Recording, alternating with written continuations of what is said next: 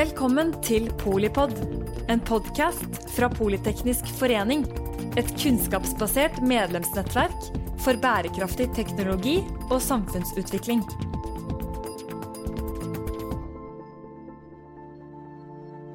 Velkommen til denne utgaven av podkastserien 'Morgendagens næringer' i regi av Politeknisk forening. I dag skal vi snakke om en bransje i kontinuerlig og betydelig teknologisk eh, utvikling, eh, nemlig telekommunikasjonsbransjen, eh, eller bransjen for telekom, eller bransje for elektronisk kommunikasjon, om du vil. Bransjen utgjør også en del av IKT-næringen er rundt 20-30% avhengig av hvor strengt eh, man avgrenser IKT-næringen. Og med oss til å snakke om eh, denne spennende næringen, så har vi tre av landets fremste teletubber med oss, og gleden av det. Eh, Tore Nag, konserndirektør for telekommunikasjon i Lyse og styreleder i bl.a. Altibox, Ice, Ikket Norge og Viken Fiber. Førsteamanuensis Bjørn Hansen ved Universitetet i Sørøst-Norge, som også tidligere har vært forskningsleder ved Telenor. Eh, partner ved Anderson Mason, Harald Vium eh, Lie. Og så har vi meg, dagens programleder Rasmus Bøg Holmer, seniorforsker ved TØI og leder av Polyteknisk forening sitt samfunnsøkonominettverk. Ja, så Telekom er jo da en en eh, bransje på vel 1 eh, av norsk BNP. 40 milliarder kroner omtrent i år. Det er en stor grad sentralisert næring, men det er noen faste bredbåndstilbydere. Ofte assosiert med gamle elverk som er plassert rundt omkring i Norge. Men det er vel kanskje heller det at næringen muliggjør desentralisert næringsliv og, og spille en markant rolle i mange næringer som er av betydning her for norsk økonomi, eller hva tenker du, Bjørn Hansen? Jo, Det er jo helt åpenbart at uh, teleteknologi og digitalisering og fiber og 4G og alt dette her bidrar jo til at vi kan ha høyavanserte bedrifter uh, spredd rundt i, i, den norske geografien. Og selvfølgelig nå under pandemien at vi har hatt mulighet til å sitte hjemme og jobbe under, uh, under nedstengingsperioder osv. Harald, du har kanskje noe å supplere med noe her? Kanskje utfordre deg på dette med sikkerhetsdimensjonen? ja, ja uh, i, i, disse dager så er det uh, vel uh, Med krig i Europa så er det vel tydeligere enn noen gang at, at tilgang til robuste kommunikasjonstjenester er viktig. Jeg har kanskje lyst til å utfordre deg litt, Rasmus, på, på det du sier om, om, om at telebransjen i utgangspunktet er nokså sentralisert. Altså de siste i løpet av de siste 20 eh, åra har det vokst opp eh, et nokså stort antall lokale og regionale teletilbydere i Norge som klarer seg riktig bra her i verden. Mange av dem er nett som Toril kjenner veldig godt til. Det er, nok, eh, det er, nok, riktig, det. Det er jo da snakk om bredbåndssiden. Det er fastbredbånd, som da er en regional dimensjon. Da. Så Eh, kanskje du også har noen kommentarer på dette? Ja, altså, eh, I bredbåndsbransjen så leverer vi jo det som vi kan kalle for avstandsreduserende teknologi. Og eh, som du innleder med, så, så, er det jo blitt mer og mer samfunnskritisk. Jeg har alltid pleid å si at eh, et hjem uten fiber er kun et hus. Og nå som vi eier mobilselskapet Ice, så kan jeg si at et hjem uten skikkelig bra bredbånd er kun et hus. Men eh, Eh, det blir jo stadig viktigere å investere i robust infrastruktur. Og det er kanskje et av dilemmaene til bransjen. Eh, vi skal snakke litt om dilemmaer og muligheter i dag. Men det at eh, både sikkerhetsdimensjonen og folks forventninger blir stadig viktigere, samtidig som bransjen jo leter etter insentiver til å investere. Fordi prisene har jo for skikkelig bra bredbånd har iallfall i Norge holdt seg relativt stabilt i prosent av husstandenes inntekter siden 2002. Sånn at eh, folk forventer at det å ha skikkelig bra bredbånd, det må alle hus og ha. Man vet ca. hvor mye det koster, og det har sånn nominelt i forhold til andelen av lommeboka holdt seg ganske stabilt, selv om det man får er mye mer. Og så er det sånn at sikkerhetsdimensjonen har blitt mye mer krevende. og folks forventninger er stadig økende. Så det er jo litt av dilemmaet for bransjen. Mm. Hvis jeg får legge til, hvis jeg får legge til én ting til, Rasmus, så tror jeg jeg tror, jeg tror koronaepidemien gjorde folk for alvor oppmerksom på hvor viktig det er med tilgang til gode teletjenester. Vi brukte å si at, at Telekom er litt sånn som dopapir. Det, det er bare interessant når det, når, når det, ikke er til stede. Um, under korona så ble jo dopapir også nokså interessant, men jeg, jeg, tror på en måte nå er det nå er det, det er litt sånn som Toril sier om, om, om, fiber til huset. Hvis, hvis, du bor et sted hvor du ikke kan delta på en videokonferanse f.eks., eh, så er det, det, Da har du et, et, et veldig stort problem. Eh, som vi er i ferd med å løse, da, for øvrig. Men jeg tror på en måte for, viktigheten av bredbåndstjenester tror jeg er, er, er mye mer eh, godt forstått. Ikke bare blant telekomfolk, men også blant brukere, blant politikere, blant andre nå enn før. da. Riktig. Vi skal komme tilbake til dette med sikkerhetsdimensjonen og hvordan etterspørselen etter bredbånd eh, endrer seg. Og det er, jo, det er jo alltid interessant dette med teknologier som eh, presser ned Rivende teknologiutvikling hvor prisene presses ned og man stadig eh, etterspør høyere kvalitet uten at de som tilbyr tjenesten kanskje ikke får like mye igjen av gevinsten. Eh, og så var du innom, innom korona der, og da vi, hadde jo vi en interessant studie som bl.a. Eh, jeg og Harald var med på. Eh, substitusjonsstudien for norsk elektronisk kommunikasjons ja, i Norge. Og der fant vi jo at virksomhetene oppga en 45% økning av personlig kommunikasjon over elektronisk kommunikasjon i forhold til året før. Også personlig kommunikasjon. Ikke-personlig kommunikasjon var veksten ca. 16,1 eh, sammenlignet med en normal eh, situasjon. Så det, det, er jo, det, er jo, flere andre studier også som ser på dette med økt bruk av hjemmekontor og sånn, så det er utvilsomt uh, viktig. Uh, men uh, før vi går inn på disse detaljene, så vil jeg gjerne ta en, gi et uh, raskt overblikk over hvilke bransjer uh, vi ser på. Uh, og da tenkte jeg gjennom innledning, og så kan dere supplere meg. Altså, vi har jo dette fastnettet hvor vi har noen lokale monopoler, eller kanskje oligopoler i noen tilfeller. mobilnettet, der har vi jo infrastrukturholdere og mobiloperatørene. Og litt på utsiden av næringen så har vi disse internasjonale gigantene. Da. Eh, både programvareleverandører og operativsystemleverandører, og noen små norske mygger, kanskje. Eh, og så har vi disse støttebransjene. Bygging, montering, graving, utstyrsleverandører, konsulenttjenester og driftstjenester. Eh, og det er jo, det er jo i stor grad eh, vokst frem tre store grupper her over tid. Altså det er jo Telenor. Og så har vi eh, Telia, da, tidligere Netcom, Get. Og så har vi Altibox, Lyse Ice, som her er eh, representert. da. Og I tillegg er det jo noen uavhengige, særlig på fastnettet, som kanskje er, også er en del av disse lokale. Harald mente jeg neglisjerte i starten her. Eh, og så har vi ja, Next Genetel og Global Connect og Fjordkraft og en del andre. Eh, jeg vet ikke om du vil uh, supplere litt, Harald. Du, jo, du, følger jo denne bransjen veldig tett.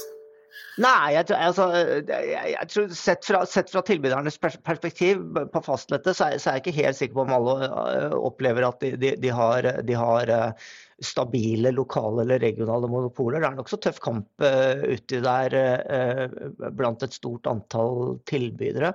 En annen ting som er interessant med, med, på fastnett, er liksom den diskusjonen som særlig regulatøren Nkom uh, står midt oppi nå, om, om, i hvilken grad du kan regne såkalt fasttrådløst bredbånd som en, en, en, som en fast bredbåndstjeneste på linje med fiber- og kabel-TV-nett.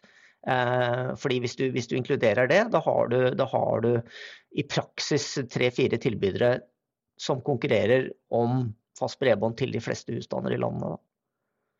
Um, og til det Toril sa i stad, jeg syns det er nokså interessant. Altså, jeg, jeg, var med Jeg jobba på, på Janko Multicom i når var det her 1998-1999. Da lanserte vi fast bredbånd som, som, som, en av de første tilbyderne i Norge. Da solgte vi 384 kilobit kapasitet, altså 0,3 megabit. Eh, og så ba vi om rundt 450 kroner i måneden for det.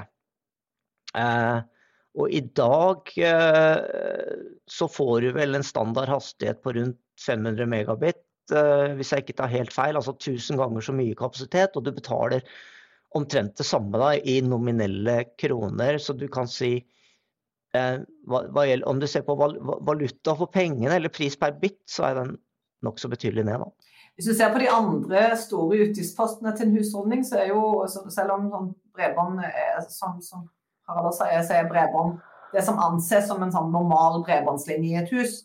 Eh, det har blitt en god del bredere enn for mange år siden, men i nominelle kroner så er det ca. likt.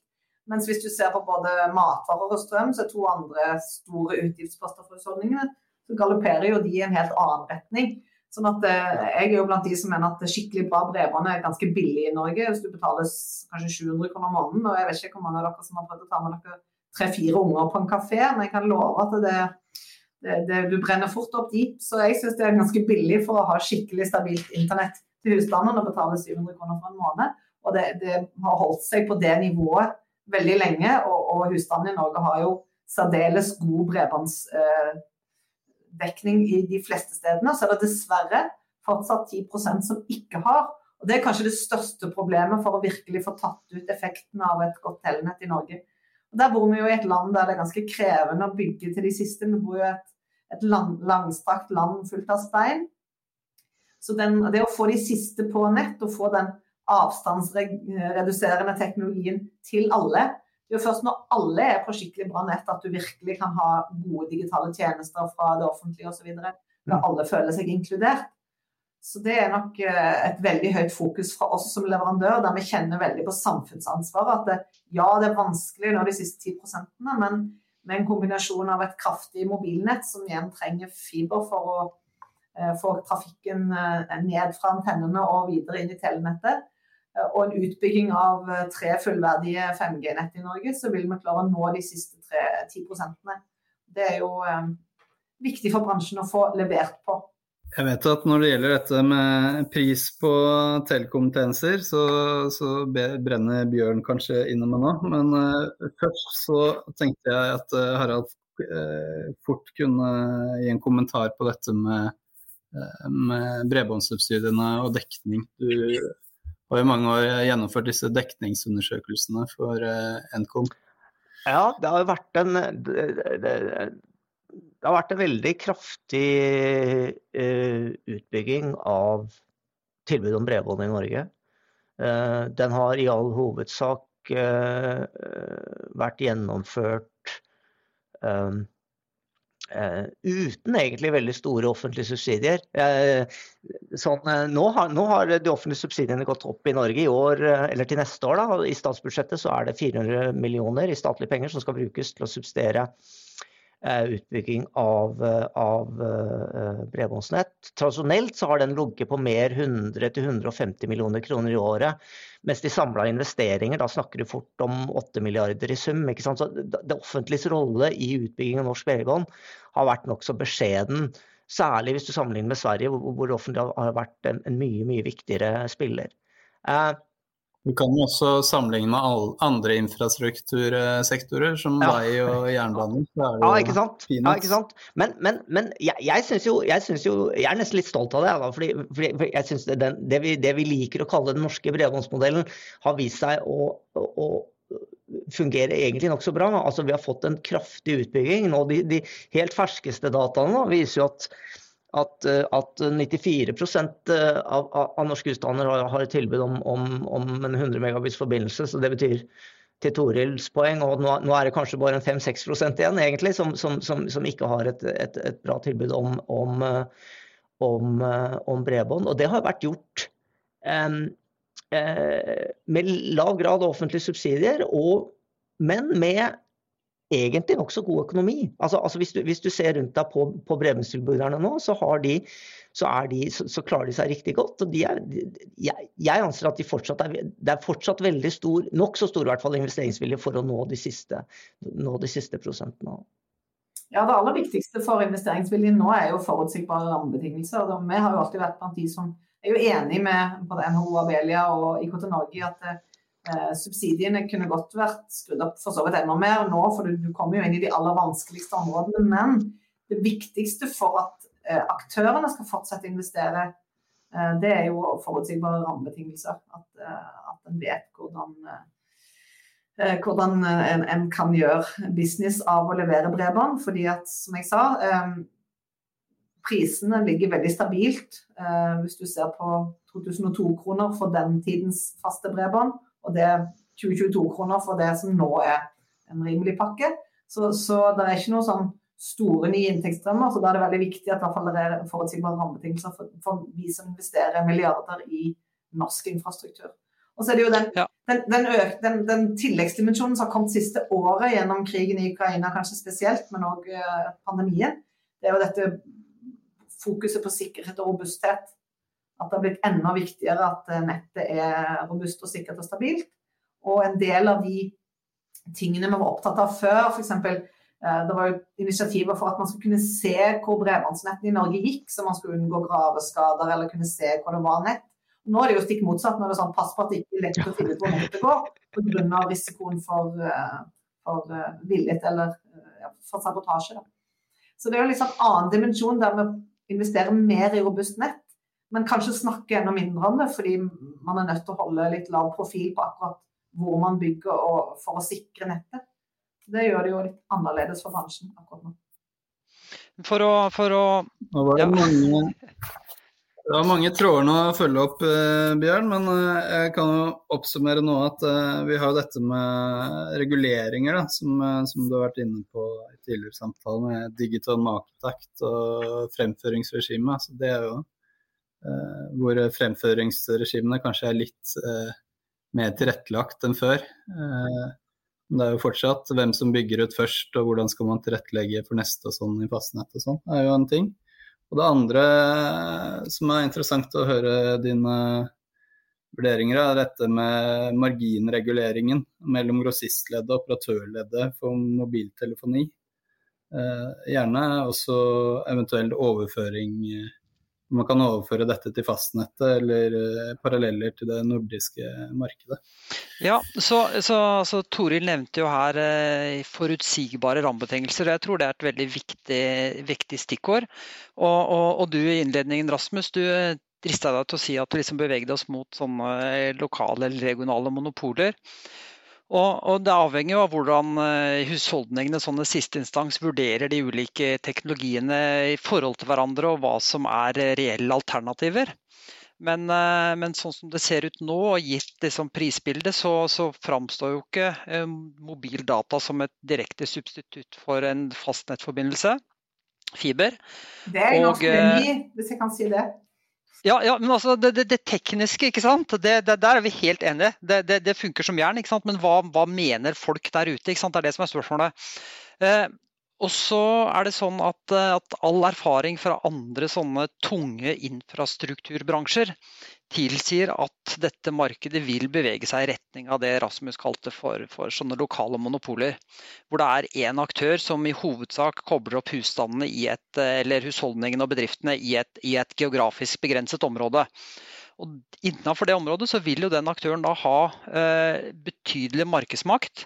Og eh, vil, ha, kun, vil potensielt kunne skru opp prisene eh, betydelig. Uh, og Det er ikke nødvendigvis sånn at aktørene kommer til å gjøre det, men, uh, men, uh, men regulatøren vår må før eller siden ta stilling til hvordan de ønsker å håndtere det. Hvor vi går liksom fra liksom gamle kobberregimet, der det var Telenor som var den store, dominerende, regulerte aktøren, som det var på en måte lett å holde i øra, til et sånt broket bilde med veldig mange forskjellige aktører land og strand rundt, som hver alene har markedsmakt i et lite område, eller et, et visst område. Og det, det hvordan eh, Nkom, eller vi som samfunn skal håndtere det, det, det tror jeg er ei sånn lita nøtt. Du nevnte eh, reguleringen på mobilnett, og hvorvidt det er et, eh, Eh, jeg, jeg tror det, jeg tror, jeg, min, min, oppfatning er at, at, det er en dårlig idé å kopiere det over til fastnett av, av flere grunner. Vi kanskje snakke mer om, om mobilreguleringa etterpå.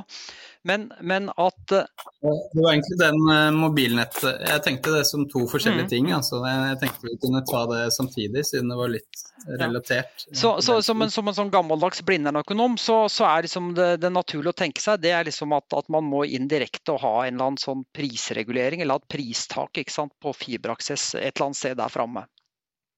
Eh, at, at, at, det er liksom den veien vi må gå. Men, men, men, men det vil jo påvirke disse business casene til Toril i stor grad. ikke sant? Og, og, og, og det er jo helt rimelig at, at, de som skal investere her, ber om, eh, om forutsigbarhet. og Derfor så må jo nettopp myndighetene på, på banen ikke sant, fortelle noe om hvordan de ønsker å gjøre dette framover. Ja, da tenker jeg at det er litt sånn, som du sier, Hva syns kunden om fastholdes bredbånd? Eh, det vil jo vise seg over de neste par årene. Nå har jo Telia vært de første til å bygge ut 5G-nett eh, og tilby veldig offensivt fasttrådløst bredbånd. Og Telenor rakk i her, og så begynner jo vi først nå å, bygge ut et veldig kraftig 5G-nett. Der vi har jo kjøpt veldig mye frekvenser. Så, så, jeg ser jo for meg at uh, i, i, som Harald også at de aller fleste kunder vil ha tilbud fra minst én fiberaktør. Ofte to, faktisk. fordi at uh, der vi har bygd fiber, så har jo som regel Telenor eller eh, Telia, et eh, gammelt nett som ligger, som de oppgraderer fortløpende. Så der hvor jeg bor, i Sandnes, der har jeg to fiberaktører i gaten og har hatt det lenge. I tillegg har jeg 5G-tilbud fra Telia, og Telenor har sagt at de kommer. Så kommer jo Ice Altibox for full styrke med et sånn fasttrådløst bredbånd på mobil. Så det jeg tror at det blir et bikkjeslagsmål om kundene og prismessig. Og akkurat det bikkjeslagsmålet ser du jo veldig tydelig i Sverige nå, da jeg så at uh, mobiloperatøren 3 nå kjører en svær kampanje med endelig kvitt fiberen, og nå kommer fasttrådløst brevene over 5G. Så jeg tenker at the jury is still out på hvor, eh, ja. hvor mye lokale monopoler du får. Min påstand og min, min, uh, mitt bedt er at eh, hvis vi snakker sammen i denne podkasten om tre år, så vil vi nok kanskje alle sammen si at de lokale monopolene det er en saga blått. Ja. Og, og, og det, jeg, kan, jeg, kan, skyte inn der. Um, på, når det gjelder substitusjon, så har jo vi gjennomført en sånn substitusjonsstudie, Harald. Uh, det var riktignok bortfall, da. Konstant, kontant bortfall av Ekom. Og det er jo da Fast bredbånd har jo faktisk den største markedsandeler på både gjennomføring av personlig og ikke-personlig kommunikasjon. Og Da fant vi at uh, cirka, hvis man vekter for uh, markedsandelene til de ulike e-contentene, uh, så blir ca. to tredjedeler av den personlige kommunikasjonen blir erstattet, og rundt halvparten av den ikke-personlige kommunikasjonen. ok, men når det gjelder dette marginregulering med grossistledd og operatørledd for mobiltelefoni, så er det vel et uh, poeng her at uh, poenget med den reguleringen er vel å ha en margin som er uh, fast, som ikke diskriminerer noen aktører, i små, i forhold til de store integrerte kjedene. Men så kan utfordringen være at hemmer konkurransen, er vel litt argument, Bjørn. Og så gjør de jo litt annerledes i, i Norden. Eh, kanskje du kunne sagt noe litt om det, og litt om digital market og så kan dere andre supplere. Ja, for hvis vi, hvis vi snakker om, eh, om, eh, mobil i Norge, så er liksom Utgangspunktet her er jo at, at, det er jo sånn at mobiltjenester i Norge er, er en, en, god del dyrere enn det vi har i nabolandene våre. Så det koster omtrent halvparten å være mobilkunde i Danmark som det det koster i Norge. Det kan jo skyldes geografi og utbyggingskostnader og en del sånne ting, men eh, det er lagt få tall på bordet som, som på en måte dokumenterer at det virkelig kan forklare at prisene er så høye i Norge.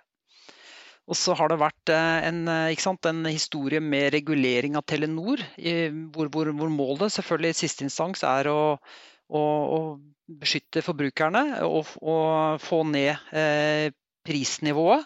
Eh, og det, det må man da kunne fastslå at det har jo ikke lykkes i og med at vi har regulert dette her i, i, i en 15 års tid. Og, og fortsatt er det at, vi, at, det er dobbelt så dyrt i Norge som nabolandene. Så det er jo et eller annet som ikke fungerer. Og jeg er redd at, at sånn som vi har lagd eh, den, den, tilgangsreguleringen som Telenor er underlagt, den bidrar til å dempe konkurransen. Eh, Telenor er i neste bundet på hender og føtter i hvordan de kan opptre i sluttmarkedet. Nettopp fordi at eh, disse prisene er bundet sammen, hva de tar på grossistleddet og hva de tar i sluttbrukermarkedet. Og når alle vet at Telenor er bundet på hender og føtter, så konkurrerer også de noe mindre aggressivt enn de ellers ville ha gjort. Tror jeg. Og det, og det, kan bidra til å forklare det. Så, så, så, jeg mener at vi bør se på hvordan den, den reguleringa er rigga. Og jeg tror at det er en dårlig idé å importere den til, til, til fastnettsida.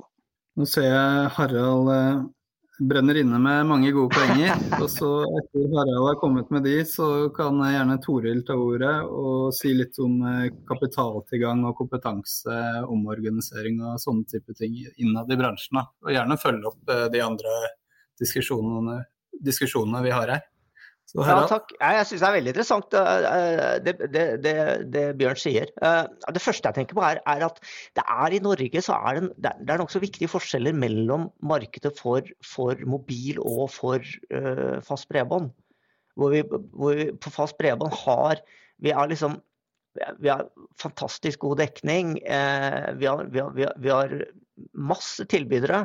Vi har sterke regionale nett. Vi har liksom eh, Jeg syns det, det, markedet faktisk fungerer veldig, veldig bra. Eh, mens på mobilsida så har vi vært på en måte kanskje litt mer uheldig. Altså, altså hvor, hvor, hvor, prisene er høyere i Norge enn i andre land, så kan vi krangle fælt om årsakene til det. det, er nok, det, det jeg tror det er mange drivere der. Men, men vi, har, vi, har, endt opp med eh, to veldig sterke operatører i form av Telenor Mobil og, og Telia. Og så har vi hatt nå siden 2015 og så har vi hatt Ice, som på en måte til nå i hvert fall ikke har klart å få en markedsandel som jeg tror er høy nok til å være bærekraftig. Og Derfor syns jeg det på en måte er kanskje det mest interessante spørsmålet i norsk Telekom for tida. Det er jo hva eh, altså, altså, Lyse sin overtagelse av Ice, og hvilke muligheter og hva, hva, og hva, som kommer til å bli konsekvensen av det. For det tror jeg kan bli veldig, veldig spennende. Ja, eh, jeg skal kommentere kapitaltilgang og kompetanse, som du, som du sa i sted. Men bare for å svare på Haralds kommentar der. Eh, det er klart at det at vi eh, overtok Ice, og at eh, vi også eier Altibox og, og mye fiber, eh, det vil jo gjøre at det mobilnettet som Ice nå holder på å investere i, som blir det tredje 5G-nettet i Norge, vil jo skyte fart både i forhold til utbredelse og kvalitet på nett og Ice sitt handlingsrom. Så jeg tror myndighetens ønske om et sterkt tredje nett jobber vi veldig hardt for å levere på. Og da er det jo den summen av eh, godt fibernett og et veldig kraftig mobilnett som vil gi de gode mobiltjenestene, og som kanskje Nå er det jo eh, Bjørn som er eh, analytikeren her på, det, men hva er det som er årsaken til at mobilprisen i Norge har vært høyere enn de nordiske nabolandene? Det kan jo være mangslungent, men det er klart det er ingen tvil om at Norge demografisk er et krevende land å bygge god dekning i. Det er dyrt å bygge fiber, for det er stein og det er store avstander. Og så er det mye fjell, og, og derfor er sikten fra antennene liksom. Så det er klart at det er mange gode grunner til Så det som Telenor og Telia har bygd opp, og som vi nå holder på å bygge opp gjennom Ice, eh, er jo et veldig høykvalitetsnett. Og du skal ikke ha reist veldig mye i Europa før du har sett ikke høykvalitets mobiltjenester, der du blir stadig brutt og veldig dårlig kvalitet. Eh, så så det er jo noe med at vi har bygd høykvalitets uh, mobilnett, alle de tre aktørene som nå eier nett i Norge. Og at uh, i tillegg til at kvaliteten er veldig god, så er òg uh, eh, de utfordringene på geografi og befolkningstetthet ikke ubetydelige i Norge. Men til, til, kapital i forhold til fastnett, som du tok opp, så, så er det, det er veldig mange som ønsker å investere i fibernett. alle mulige aktører. Så kapitaltilgang tror jeg er relativt uproblematisk kompetanse er jo et helt annet domene. Det er klart at Telekombransjen er jo en del av IT-bransjen, og det er de, akkurat de samme hodene som både Telekom, media og IT konkurrerer om.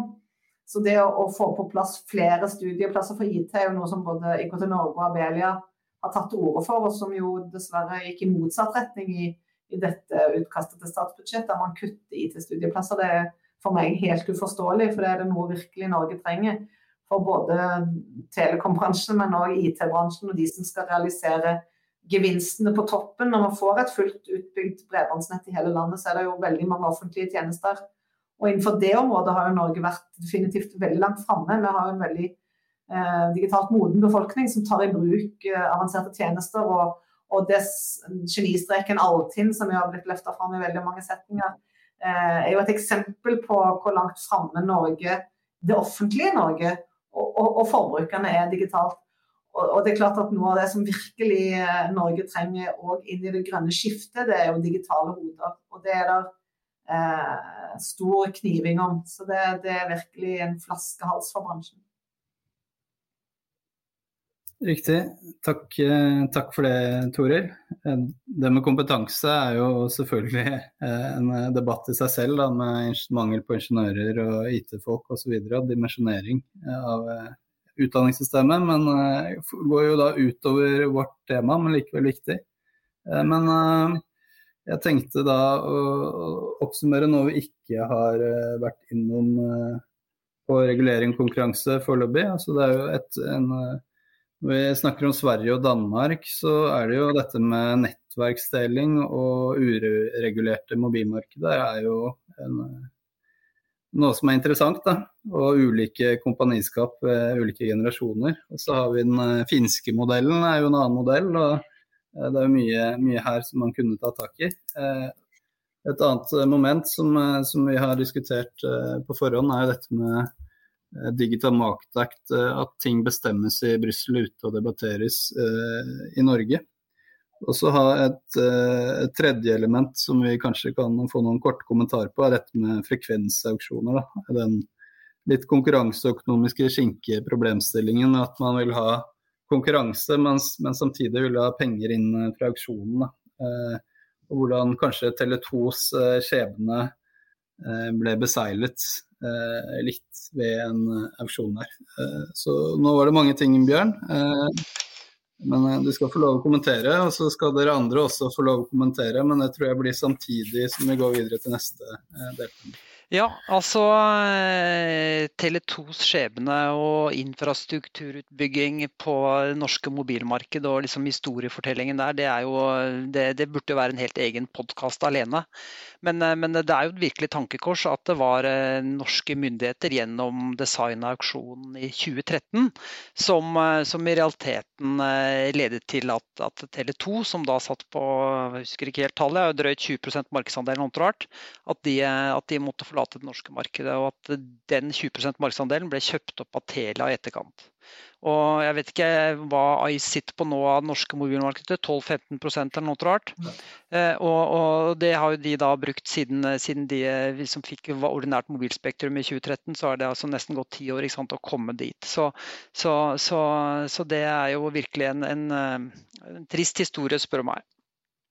Når det gjelder disse tingene med, med at, at, ting eh, bestemmes i Brussel, så er det sånn at, at eh, europeiske myndigheter har jo oppdaga at de kan innføre reguleringer og de kan påvirke hvordan liksom, dette markedet utvikler seg stort. De kan eh, komme med pålegg som de store amerikanske gigantene er nødt til å rette seg etter.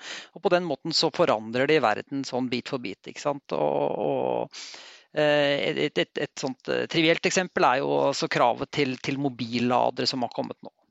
Og, og, og i, i, disse dager så driver de og vedtar ny regulering av, av digitale markeder i Brussel. Digital Markets Act og Digital Services Act. Som i hovedsak tar sikte på å holde liksom, de store gigantene i øra. Men konsekvensen av det vil jo være at sånn som det å, å, å selge innhold, da, sånn som Aftenposten, som en app over Apples AppStore. Eh, at, at, Aftenposten kan ta betalt for dette uten å nødvendigvis måtte betale 30% av omsetningen til, eh, til, til Apple. Og altså musikk, eh, altså programvare, alle mulige bransjer kan potensielt berøres av dette. Dette syns jeg er superinteressante greier, og jeg ser knappast noe i, i norske medier eller at det er noen interesse rundt i det hele tatt, og det syns jeg er kjemperart.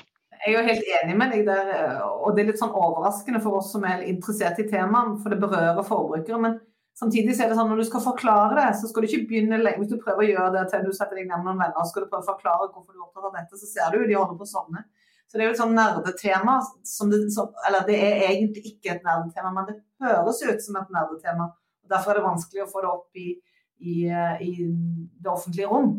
Men, men, kjempeviktig. Det som jo, altså Både Abelia og IKT Norge og den typen organisasjoner jobber jo mot sine europeiske søsterorganisasjoner. For det er jo gjennom EU vi har, har sjanse til å være med og påvirke. Um, men, men, helt enig. Det skulle vært en sånn der Tech and the City-serie på TV som fikk oppmerksomheten opp rundt teknologiproblemstillinger. Litt sånn som ja. LLO gjorde for jusstudiene. Ja.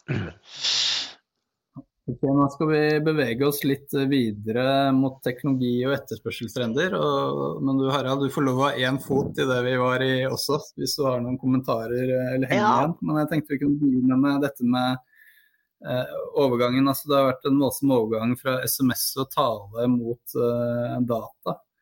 Eh, også andre marginale tjenester som GPS og bank-ID har vi her. og Fax er jo helt ute, så det er jo data som, eh, som gjelder. Da. De, ikke minst de amerikanske gigantene som Bjørn her snakker om, har jo kanskje bidratt til den, uh, den uh, utviklingen. Da. Så hvordan IP-basert data blir viktigere og viktigere og video overtar, det, det er interessant å få noen ord om, Harald. Så må du gjerne kommentere det tidligere ja, også. Ja, nei, jeg tror vi kan eh, slå fast at internett ikke er noen motesak. Altså. Eh, det er eh, kommet for å bli. Jeg tror det er fordi internett i utgangspunktet er en fryktelig god idé.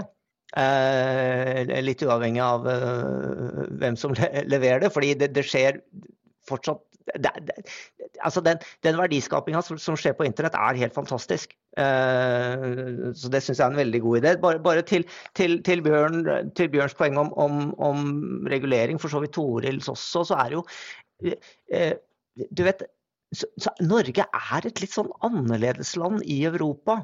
Uh, hvis du, på fibermarkedet f.eks så kan det, ikke, det kan ikke være bare lett for norske regulatører å ta ta disse direktivene fra Brussel og tolke det inn i en norsk kontekst. Fordi det er jo på en måte ikke eh, incumbent operator, les Telenor, som er incumbent lenger. Altså, eh, så, så du, du, skal på en måte, du tar en firkant og skal forsøke å passe det inn i en, eh, i en runding. Det, det, det, er masse sånne problemstillinger som, som ikke kan være lett i det hele tatt. da. Når det gjelder dette med teknologiutvikling, så er det også interessant å se denne utviklingen med hvor eh, fiber erstatter kobber. og Først gikk man fra 3G til 4G, enorm eh, utvikling med mobildata en hel annen verden. Og så er det 4G til 5G og kanskje 5G til 6G og sånn. og det, Man har de dataene man trenger. Man kan kanskje koble seg opp eksternt. og Man kan se på video, som jo har vært en, belast, vært en begrensning tidligere. Eh, men det kommer kanskje nye, nye teknologier. Eh, hva, hva, tror du, eh, Toril? Hvordan skal vi utnytte disse nye teknologiske mulighetene som kommer? Jeg, jeg tenker jo at uh, alt, alt, handler jo om noe som uh, Bjørn sa tidligere i forhold til hva er det som forbrukerne foretrekker. Det er jo inn igjen det som styrer uh, de, det er en av de store fallgruvene for ethvert teknologiselskap å begynne å, å, se på hva som er mulig å lage med teknologi. Så jeg tror jo at et, et øre mot forbrukerne og, og marken der, der, de uttaler seg om hva de vil bruke, og følge med på hva, eh, hva du ser av bevegelser der. Det, det, er av og til litt skuffende for oss teknologer at uh, forbrukerne vil ha de kjedelige tjenestene, men, men jeg, tror det, jeg, tror det, er svaret. At det er ikke alt som er teknologisk mulig som er relevant eller ønskelig. Det er, jo, det er jo, ofte at uh, man, man, ser jo ikke noen produktivitetseffekter gjerne av de aller høyeste hastighetene av bredbånd. Men uh, de teknologiene kan jo komme i fremtiden. Altså Bare at man har de kan jo bidra til ja, det, det som du ser ofte, er at uh, du har en, en, tjeneste som har en ketsjup-effekt. At du har en eller annen plass i verdikjeden der det er en, en ressurs som er ikke tilstrekkelig. Noen ganger er det båndbredde, noen ganger er det datakapasitet, noen ganger er det tilgang på interessante nok tjenester. Men jeg husker i, i gamle dager når jeg var liten og jobbet med, med, telekommunikasjon, så jobbet jeg i Tandberg, som lagde videokonferansesystem, som senere ble solgt til Cisco. Uh, og da liksom snakket man om hva, uh, hvorfor er det viktig. Og, og, og uh, vi trodde at kanskje hvis det kom nok ISDN-linjer, så kunne folk ta bildetelefoner hjemme. Det ble jo ikke helt sånn.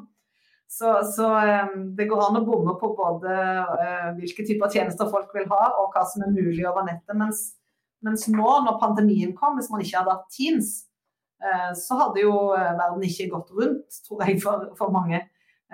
Litt humoristisk på spissen, men likevel. Så, så, plutselig så var både nettet og tjenestene, og, og ikke minst bedriftenes evne til å ta i bruk en tjeneste som Teams, de var modne samtidig som pandemien traff. sånn at i hvert fall for Norge så var det jo forbløffende enkelt å få hele landet over på hjemmekontor. Eh, så, så, så, det er et eller annet, Og det er liksom 20 år senere i forhold til når Tandberg lagde den første prototypen på, på bildetelefonen, og de hopper med ISDN på laben på Teledirektoratet. Så um, flaskehalser flytter seg, og ting tar tid. Men in the end så er det jo det at bruken, at forbrukerne opplever at bruken er nyttig. Det er når du kommer dit at Og da vet du ikke nødvendigvis på veien dit hvilke flaskehalser som er bort. Hvis du bare får så dårlig hastighet at videoen ser ut som eh, en dårlig Mickey Mouse tegnefilm, så vil jo ingen ta den i bruk. Så da var det flaskehalsen eh, netthastighet som var til stede. Og hvis, eh, hvis det ikke finnes applikasjoner som Teams, men bare veldig proprietære applikasjoner, så får du heller ingen brukere. Så alt henger dessverre sammen med alt, og så er det flaskehalsene som flytter seg rundt. Jeg tror det er, det er, en grei oppsummering at eh, Zoom og Teams har eh, økt sine markedsandeler sånn passe de siste årene. Men uh, disse andre parameterne folk etterspør, sånn oppetid og uh, lever, leveringstrygghet osv. Uh, hvordan tenker du betydning til disse fremfor før i forhold til uh, mengder data? For bedriftene så tror jeg jo at uh, bevisstheten rundt uh, oppetid og robusthet den er større, og der er det også større betalingsvilje for mer robusthet. Mens for folk så er det jo mer at forventningene øker. Man har jo ikke tenkt å betale ekstra for Man forventer jo at operatøren sørger for å ha et robust nett. så Hvis, hvis vi har nedetid, så, så blir jo ikke kunden Da lurer ikke kunden på om de burde kjøpe mer robusthet. De lurer på hvorfor vi ikke har høy nok oppetid. Så, så, det er jo en, et ansvar som påhviler oss som, som, firma å sørge for at robustheten er høyere, fordi forventningene er høyere. Og det er jo stadig mer kritisk å være uten nett. Det, det er jo nesten bedre hvis uh, andre tjenester forsvinner i heimen enn akkurat nettet. Og i bedriften, ikke minst. Jeg tenker du kan supplere på det, Harald. Altså, I tillegg så har vi dette med andre Det er jo noen andre nett der, da. Eh, altså, du har jo satellitt som kanskje kunne bli en konk mer konkurrent på sikt.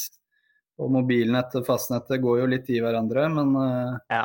det er jo noen glidninger der også. Og så har du jo alle disse andre nettene, ulike radionett og, og nødnett og osv. Ja. ja, det har du M2M-nett for IOT, sånne smarte duppeditter. Ja. Det, det, det, det, har du alt det du sier er viktig, Rasmus. Jeg, jeg tror grunnleggende så, så, er så, er det, viktig å huske på at eh, å, frakte, å, å, frakte, trafikk i, i mobilnett er eh, altså en order of magnitude mer kostbart enn å frakte trafikk i fibernett. Eh, å frakte trafikk i satellittnett, selv med de nye satellittsystemene, er liksom order of magnitude dyrere per bit enn i mobilnett. Eh, så liksom du har, du har, du har eh, Ikke sant. Men det betyr jo ikke at de nye satellittsystemene ikke kan ha høy verdi. Altså Tvert imot, det har vi sett i, i Ukraina, det ser vi i Ukraina hver dag. Eh, det kan gjøre, det, det kan gjøre utbygging av, av full bredbåndsdekning altså til 100,0 av husstander og, og, virksomheter i Norge kan, med satellitt, så kan det realiseres eh, eh, altså til de aller dyreste på en, på, en, på en, veldig fornuftig måte. Men det er klart Til de som ikke ellers så lett får eh, kabla nett? Ja, altså, altså, hvis du skal bygge du vet, skal du bygge fibernett til, til alle norske husstander og virksomheter, så, så snakker du på siste, de siste 2000 byggene, så snakker du kanskje en million pluss per, per bygg. da. Uh, I noen tilfeller hadde det kanskje vært billigere å, å, å kjøpe en leilighet til dem et annet sted. Uh, så, så, så, der blir det veldig dyrt. Og, da er det jaggu fint å ha radionett og, og satellittilgang.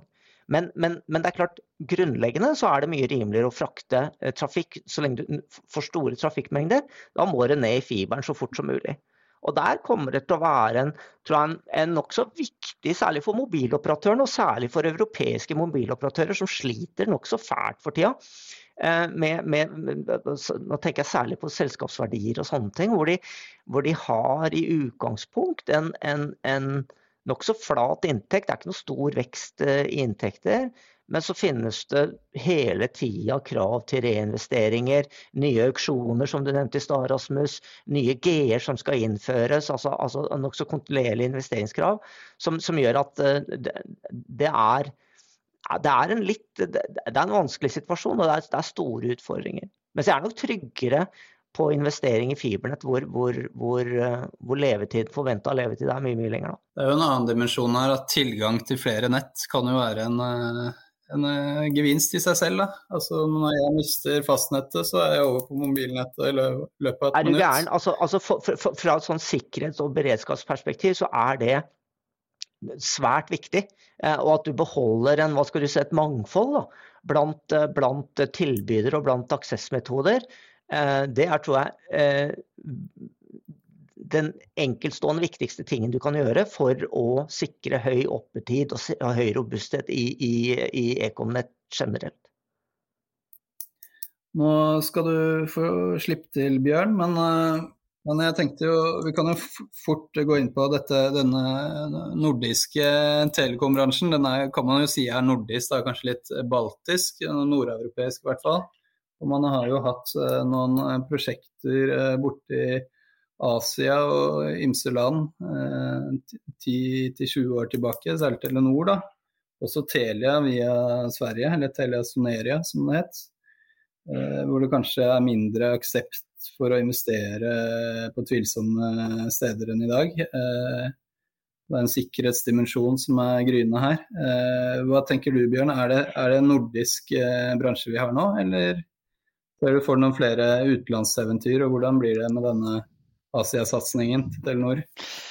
Nei, eh, altså nå Sånn som jeg tolker det som skjer nå, så er det vel eh, altså Telenor lager et hovedkontor i i Singapore for sine asiatiske operasjoner. Og går fra eh, Sigve Brekkes eh, og Tormod Hermansens mantra om å kjøpe seg opp for å få kontroll i selskapene, til å heller akseptere å være en eh, minoritets- eller altså en, ikke ha en kontrollerende eierandel i, i de ulike selskapene osv. Så, videre. så så virker jo dette mer og mer som en slags sånn finansiell posisjonering, og kanskje på sikt en, en posisjonering i retning av å selge seg ut. Men det, det er rene spekulasjoner informasjoner fra meg. Det vet jeg ingenting om. Eh, hvorvidt det blir en nordisk bransje eller om det er en norsk, eller sånn, det, det, det, det er kanskje litt sånn semantisk. Eh, Telia er liksom til stede i de nordiske landene pluss Baltikum. Eh, Telenor er i Norge, Sverige, Finland og Danmark. Eh, men, men, det er jo fortsatt eh, ikke veldig mye sånn integrasjon på tvers av dette. her, ikke sant? Det er ulike priser, det er ulike tjenester, det er ulike ditt og datt. ikke sant? Så det er en, men, men over tid så vil det jo høste synergier. ikke sant? At man har felles bakenforliggende systemer og en del sånne ting. Så det, det er klart at, at, det kan bli mer effektivt. Men, men, men, det som betyr noe for meg, er jo ikke sant, at jeg har dekning der jeg bor ikke sant? og der jeg ferdes. Og det er, det er jo i sin natur lokalt, altså. Eh, så, så, så, så det, det, det, er, det, er, det, er, i en viss forstand også en lokal virksomhet, dette her. Det tror jeg. Men jeg har lyst til å følge opp litt på, på du snakka om, sånn om framtidige tjenester osv. Og, og, og Toril helt riktig trekker fram at det er jo da hva folk vil ha. Jeg har jobba over 20 år i Telenors forskningsavdeling, og vi har, vi jeg hadde sånn ISDN-bildetelefon hjemme. Altså, den var kjempekul, den virka ganske fine bilder og greier, men det var jo ingen som var interessert, og det var ingen å ringe til. Så det var eh, en rar opplevelse, og bomma før. Men jeg er også veldig entusiastisk rundt alt dette som har med IOT å gjøre. Og også små sensorer som ikke krever så mye båndbredde, men som kan overvåke statusen i båten din eller på hytta eller i fuglekassa eller altså alt mulig rart. ikke sant? Eh, og som kan kobles sammen på ulike intelligente måter. og Det, det kommer til å utløse kjempeverdier. altså Både for, for bedrifter og også for, eh, for, for oss som, som forbrukere. Hvor vi kan gjøre nye og morsomme ting. Så det, det, det, gleder jeg meg virkelig til. og Der er det sånn at eh, det finnes mobilstandard, ikke sant? NBOT osv. Og, så videre, og det finnes ikke-lisensierte løsninger som, som Loravan, som, som, som gjør at dette kommer til å bli billig å, å ta i bruk. Og, og dette her, det er, det er en kjempe, kjempespennende utvikling på de områdene der, tror jeg. da, Som kommer som et, som et tillegg da, til, til, dette bredbandiga, som sant, er, er, er, video og, og, og virkelig høye båndbredder, som, som, selvfølgelig også er en utvikling som går. Men, men hvor, hvor, det for meg er litt, litt vanskeligere å se liksom, hva vi trenger når vi har eh, fem eh, høye high definition TV-kanaler inn i, i stua vår. Hva, hva er det vi trenger i tillegg til det? Det er ikke, det er ikke sånn helt opplagt for meg. Kan jo skyte inn der for de lytterne som ikke er så vant til begrepene her. Så IOT er da tingenes internett, da, ting man kobler seg til nettet. Og så er det M2M som maskin-til-maskin-nett, da, eh, som, som, snakker, som gjerne forbindes med IOT her. Eh, nå begynner vi å nærme oss slutten. Uh, jeg tenker vi skal gå inn for landing med noen avsluttende kommentarer. Og så er det jo slik at uh, det er en stund siden du, Toril, har hatt ordet. Så jeg tenker at du både skal få lov til å, å kommentere på dine tidligere uh, Ja, de som har sagt noe tidligere her, og komme med en avslutning. Ja, for det første, Når det gjelder hvor, hvor mye båndbredde vi trenger i forhold til Bjørnsens siste kommentar, så er det jo sånn at nå snakkes det jo veldig mye om meta og hva det betyr. Og jeg tenker at det eh, er sikkert minst en egen podkast, sikkert en podkastserie. Men jeg ser jo at ved å ta i bruk eh, de tingene i internett som Bjørn nevner, kombinert med en del av de store markedsaktørene sine ambisjoner rundt uh, virtuell reality, særlig kanskje innenfor bedriftsmarkedet og industrien, så skal en jo ikke se vekk fra at en skjæring mellom det vi tenker på som gaming og virtual reality og IOT, eh, gjør at eh, båndbreddebehovet til både bedrifter og, og, private kan komme fra et litt uventa hold, slik det veldig ofte har gjort. Så, så, det tenker jeg det er veldig viktig da å sørge for at vi bygger ut nettet på en sånn måte at vi ikke får flaskehalser som vi ikke hadde trengt å støte på.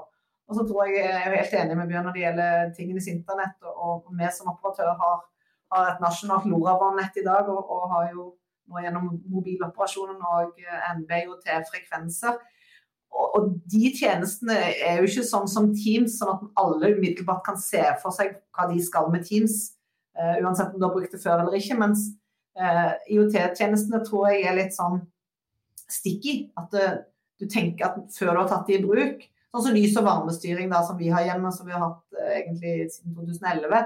Når jeg kom hjem med det, så, så var alle i familien sånn stort skuldertrekk, i motsetning til når Altibox får en ny strømmetjeneste, så er alle ganske interessert men da var det sånn ja, lys- og varmestyring, vi kan skru av de der lysene selv. Men når du først har fått i hus, så er det helt umulig å få ut. Da er alle sånn Hvis det plutselig ikke virker, så er det sånn Hvorfor virker ikke lys- og varmestyringen? Det er jo kjempestress å måtte gjøre det selv.